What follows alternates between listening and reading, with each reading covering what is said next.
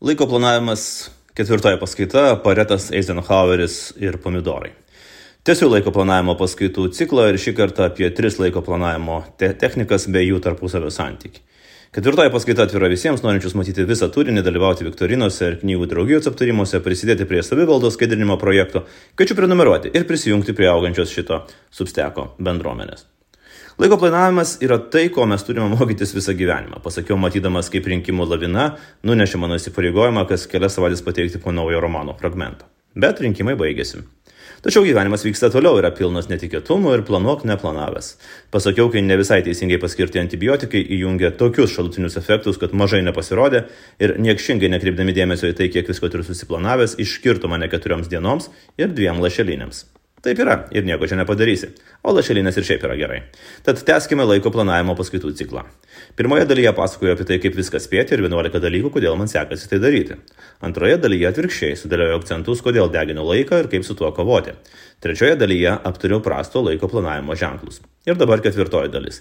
Laiko planavimo technikos, jų pliusai minusai, ar aš jas pats naudoju ir kaip vertinu, o gal tik dabar ir bus paskata imtis ir naudoti. Pradėsiu nuo trijų - Pareto, Eisenhowerio ir Pomodoro. Kitas aptarsiu vėlesnėse paskaitose, nes jeigu dabar perkrausiu, tai tiesiog nebus galimybės jas išbandyti praktiškai. Nes ne kaip, kaip nekartą rašiau, šitos paskaitos visų pirma skirtos man pačiam išmokti, prisitaikyti naujovės gyvenimą ir pasidalinti įspūdžiais, kas veikia, o kas nusimeta toje beprotiškoje gyvenimo skuboje. Pareto dėsnis. Šitą dėsnį esate girdėję turbūt visi. Du esminiai skaičiai - 80 ir 20. Juos įdarbino italų sociologas Vilfredas Paretas ir jie universaliai taikomi faktiškai bet kuriai situacijai, kai 20 procentų pastangų duoda 80 procentų rezultato ir atvirkščiai. Pats pavyzdžiui, Paretas konstatavo, kad 80 procentų Italijos turto sukaupta 20 procentų žmonių rankose. Dar galima sakyti, kad mes 80 procentų laiko dėvime 20 procentų turimų drabužių, 20 procentų laisvalaikio veiksmų suteikia 80 procentų polisio ir panašiai. Laiko planavimo atveju pareto dėsnis taikomas taip. Tavo 80 procentų rezultatų užima 20 procentų laiko, o 20 procentų rezultato užima 80 procentų laiko. Kodėl taip nutinka? Na, mus neišvengiamai suka netokių svarbių užduočių ir darbų sukūrys. Užuot skiria savo laiką veiksmams, kurie pajudins į priekį mūsų karjeras ir asmeninį tobulėjimą, mes taškomės rutinoje. Nes tai daryti tiesiog lengviau. Tiesiog lengviau dalyvauti nesibaigiančiose idėjų paieškose ir brainstormuose, negu imti vieną idėją ir ją įgyvendinti. Todėl visuomenė yra tiek svajoklių, kurie tuoj tuoj sukurs video, kuris nueis vairalu per visą pasaulį, milijonus jiems atnešančią programėlę ar pasaulinį bestsellerį, bet vis jiems kažkas sukliudo. Kartais tai vyksta automatiškai, mes patys nesuprantam, kaip čia taip gavosi. Dirbau visą dieną, jau vakaras ir jaučiuosi, kad nieko nepadariau. Vadinasi, esminė užduotis išvaduoti 80 procentų laiko, per kurį gaunat labai mažą rezultatą. Tiesiog tai yra labai prasta return on investment, ROI. Tai gali padidinti efektyvumą, sumažinti nuovargį ir tą atsėlinantį beprasmybės jausmą. Žinot, ariu, ariu, o darbų kaip nemažėja, taip nemažėja. Jo tikslas - parodyti ir padėti parodyti tau tą vadinamąjį big picture, didelį vaizdą. Ką reikia padaryti, norint pasinaudoti pareto dėsniu? Susidaroti vieną failą visus dienos ar savaitės darbus. Pamėginti suprasti, kurie 20 procentų darbų surijo 80 procentų laiko.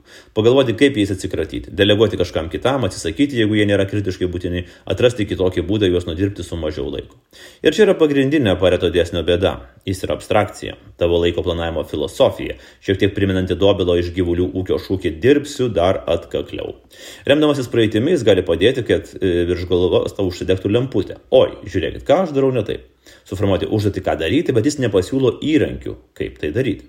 Todėl pats iš savęs jis didelės naudos neatneš. Taip jūs galite suprasti, kurie darbai darbeliai suėda jūsų laiką, bet sprendimų nepasiūlo. Problemą parodžiau, o toliau jau sukės pats broliuk.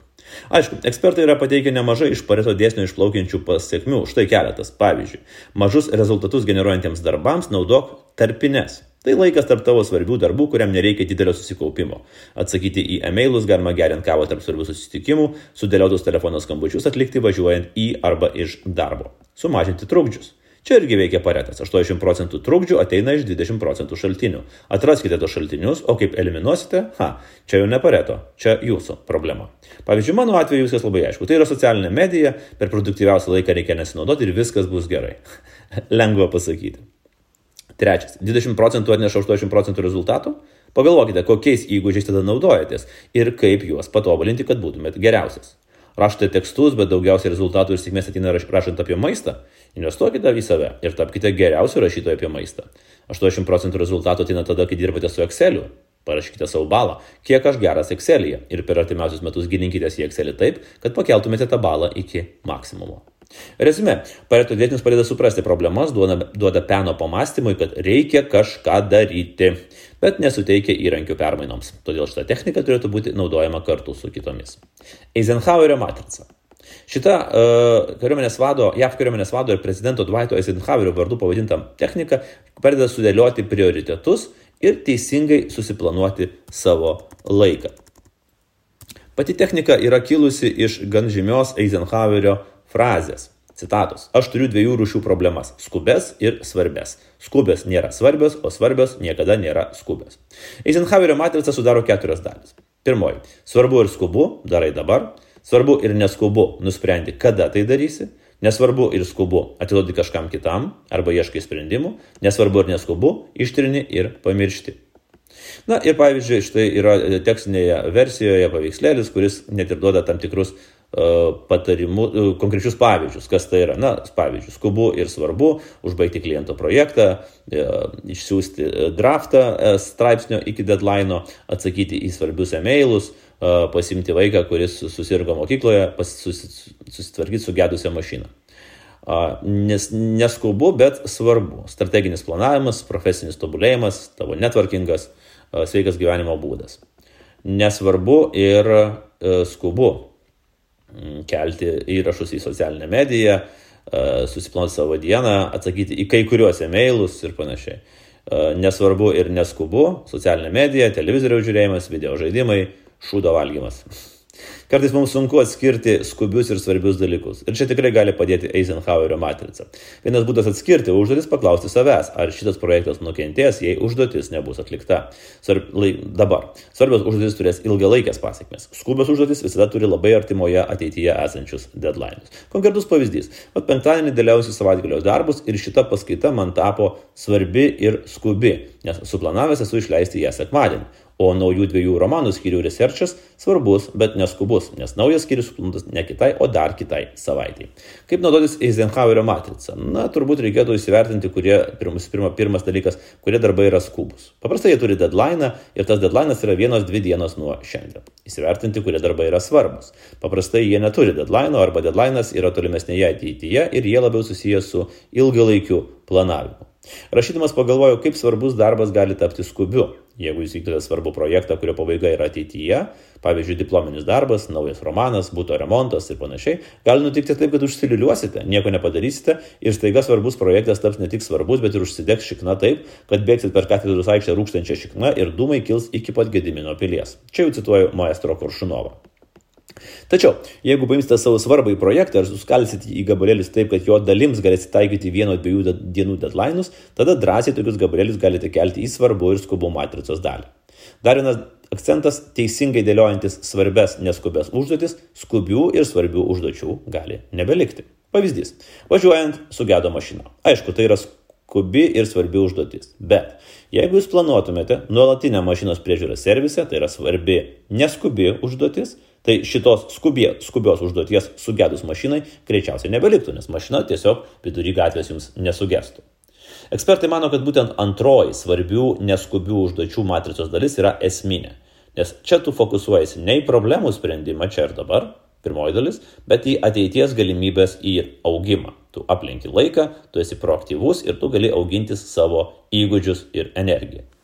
Trečioji dalis - įvertinti, kurie darbai yra deleguojami. Ir čia aš turiu problemą su Eisenhoweriu, taip pat kaip ir su Paretu. Jie teigia, kad darbus galima deleguoti, jeigu jie patenka į kategoriją nesvarbus ir skubus. Ok, o jeigu negalima? Jeigu tu esi vienas ir tu turi tą nesvarbų, bet skubų darbą. Iš kitos pusės deleguoti gali reikšti ir automatizuoti. Į galvą atėjo paprastas pavyzdys. Aš, pavyzdžiui, labai nemėgstu apsipirkinėti kasdienių būtiniausių daiktų.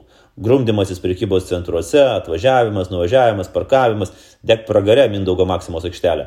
Vieno trūkstamo produkto paieškos, karštlygiškai jo nerandant lentynose, savitarnos kasos ir taip toliau. Aišku, pasakysit, kad tai yra svarbu, nes jeigu nepirksi maisto, numirsi iš bado, bet nu čia jau šiek tiek šaržuojam. Ir aš nekalbu apie tokius specifinius apsipirkinėjimus, kaip važiavimas į Benedikto turgų ar nedidelę mėgstamą mėsinę. Nu, čia jau galima traktuoti kaip tam tikrą malonumą ir laisvalaikio užsiemimą. Tačiau atsiradus Volt Bolt paslaugoms, štai puikus pavyzdys, kaip galima sutaupyti krūvą laiko deleguojant. Vietoje 2 valandų nuo durų iki durų prekybos centre tu sugaišti 15 minučių programėlėje, o jeigu tai kasdieniai būtiniai pirkiniai, tai ir dar mažiau. Bet jeigu vis dėlto deleguoti nepavyksta, reiktų pasižiūrėti, ką galima padaryti kitaip. Paaiškinti kitiems žmonėms, kiek laiko tu gali skirti tokiai gautai užduočiai, kad jie suprastų koks yra tavo prioritetas. Palikti trečiosios dalies užduotis tada, kai tu turi mažiausiai energijos ir gali dirbti autopilotu, nes jos, jos vis tiek nėra labai svarbios. Dar geriau išmokti sakyti ne. Na, čia jau turbūt daug kartų esam tai aptarę. Ketvirtas - įsivertinti, ką galima ištrinti. Ir čia reikia labai sažiningai vertinti savo dienos ir savaitės veiklas. Į kelis susitikimus ėjote ar zuminutės, kur visiškai nebuvo jokios prasmės, kiek laiko praleidėte šiai kalbėdami telefonu ar scrollindami Facebooką. Šiaip rekomenduojama neperkrauti matricos dalių darbais. Jeigu matricoje atsiranda daugiau kaip 10 darbų per visas dalis, jau bus sudėtinga viską suvaldyti. Kita įdomi rekomendacija - turėti dvi matricas profesiniams ir asmeniniams tikslams. Na, po to vis tiek turės jas kažkaip pridėti vieną prie kitos ir sulyginti, kad nenutiktų overbookinimas. Tai čia ko gero reikia išsibandyti patiems ir nuspręsti, kas geriau veikia - viena ar dvi. Pomodoro technika. Ir trečioji technika - pomidorinė. Ja prieš kokius 30-40 metų sukūrė dar vienas italas Francesco Cirilo, matyt, užsižiūrėjęs į virtuvės laiko matuoklį. Pomodoro technikos esmė - bet kokią užduotį išskaidyti į 25 minučių segmentus ir tuo metu koncentruotis tik į ją. Po 25 minučių yra 5 minučių pertrauka, o po 4 tokių 25 minutinių segmentų ateina ilgoji pertrauka, na arba užduoties etapo pabaiga. Tai ilgoji pertrauka, tai galėtų būti apie 15-30 minučių. Teigiama, kad pomodoro technika taip sukuria skubumo ir motivacijos jausmą, ji gerai tinka kūrybiniams žmonėms. Natūralu, kad internetas yra pilnas mokamų ir nemokamų apsų, kurie pasiruošia padėti tau skaičiuoti tas 25 minutės ir pertraukėlės.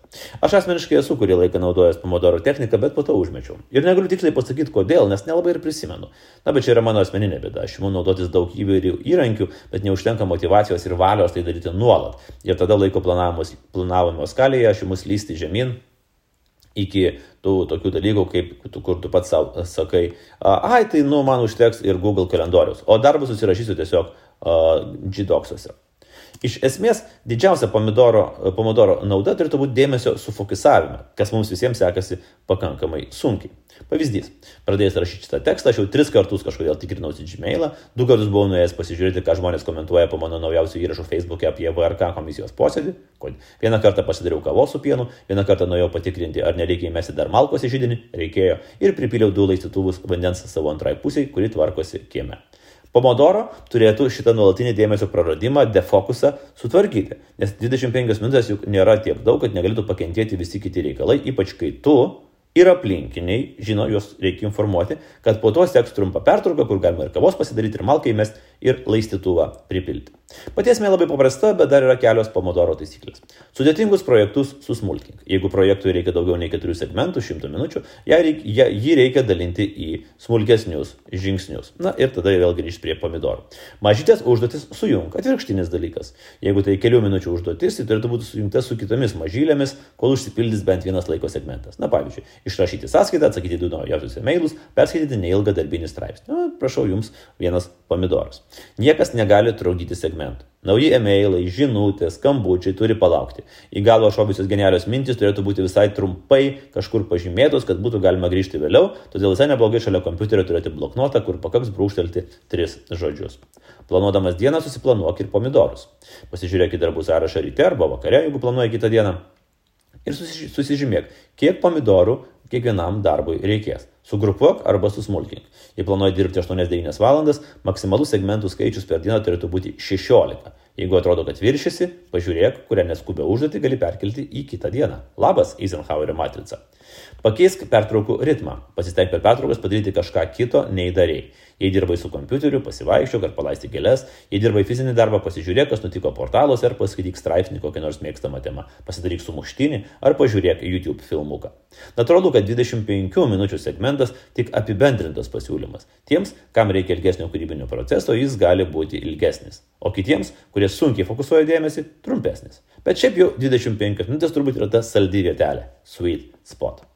Resume, atrodo, kad visos šitos technikos gerai papildo viena kitą. Paretas leidžia identifikuoti savo bėdas ir kur ištaškom 80 procentų laiko, Eisenhoweris leidžia paskirstyti savo darbus į skirtingas dėžutės ir fokusuotis į tą stebuklingąją antrąją dėžutę, Pomodoras leidžia priskirti drausminančius ir motivuojančius laiko rėmus kiekvienam tavo darbui. Kaip sakiau, esu pasibandęs su Pomodoro, bet galbūt ir numečiau dėl to, kad neturėjau galvoje ilgalaikio plano. Pabandysiu sujungti šitas technikas ir po kurio laiko pasidalinsiu mintimis, kas čia man gavosi arba kodėl nesigavo.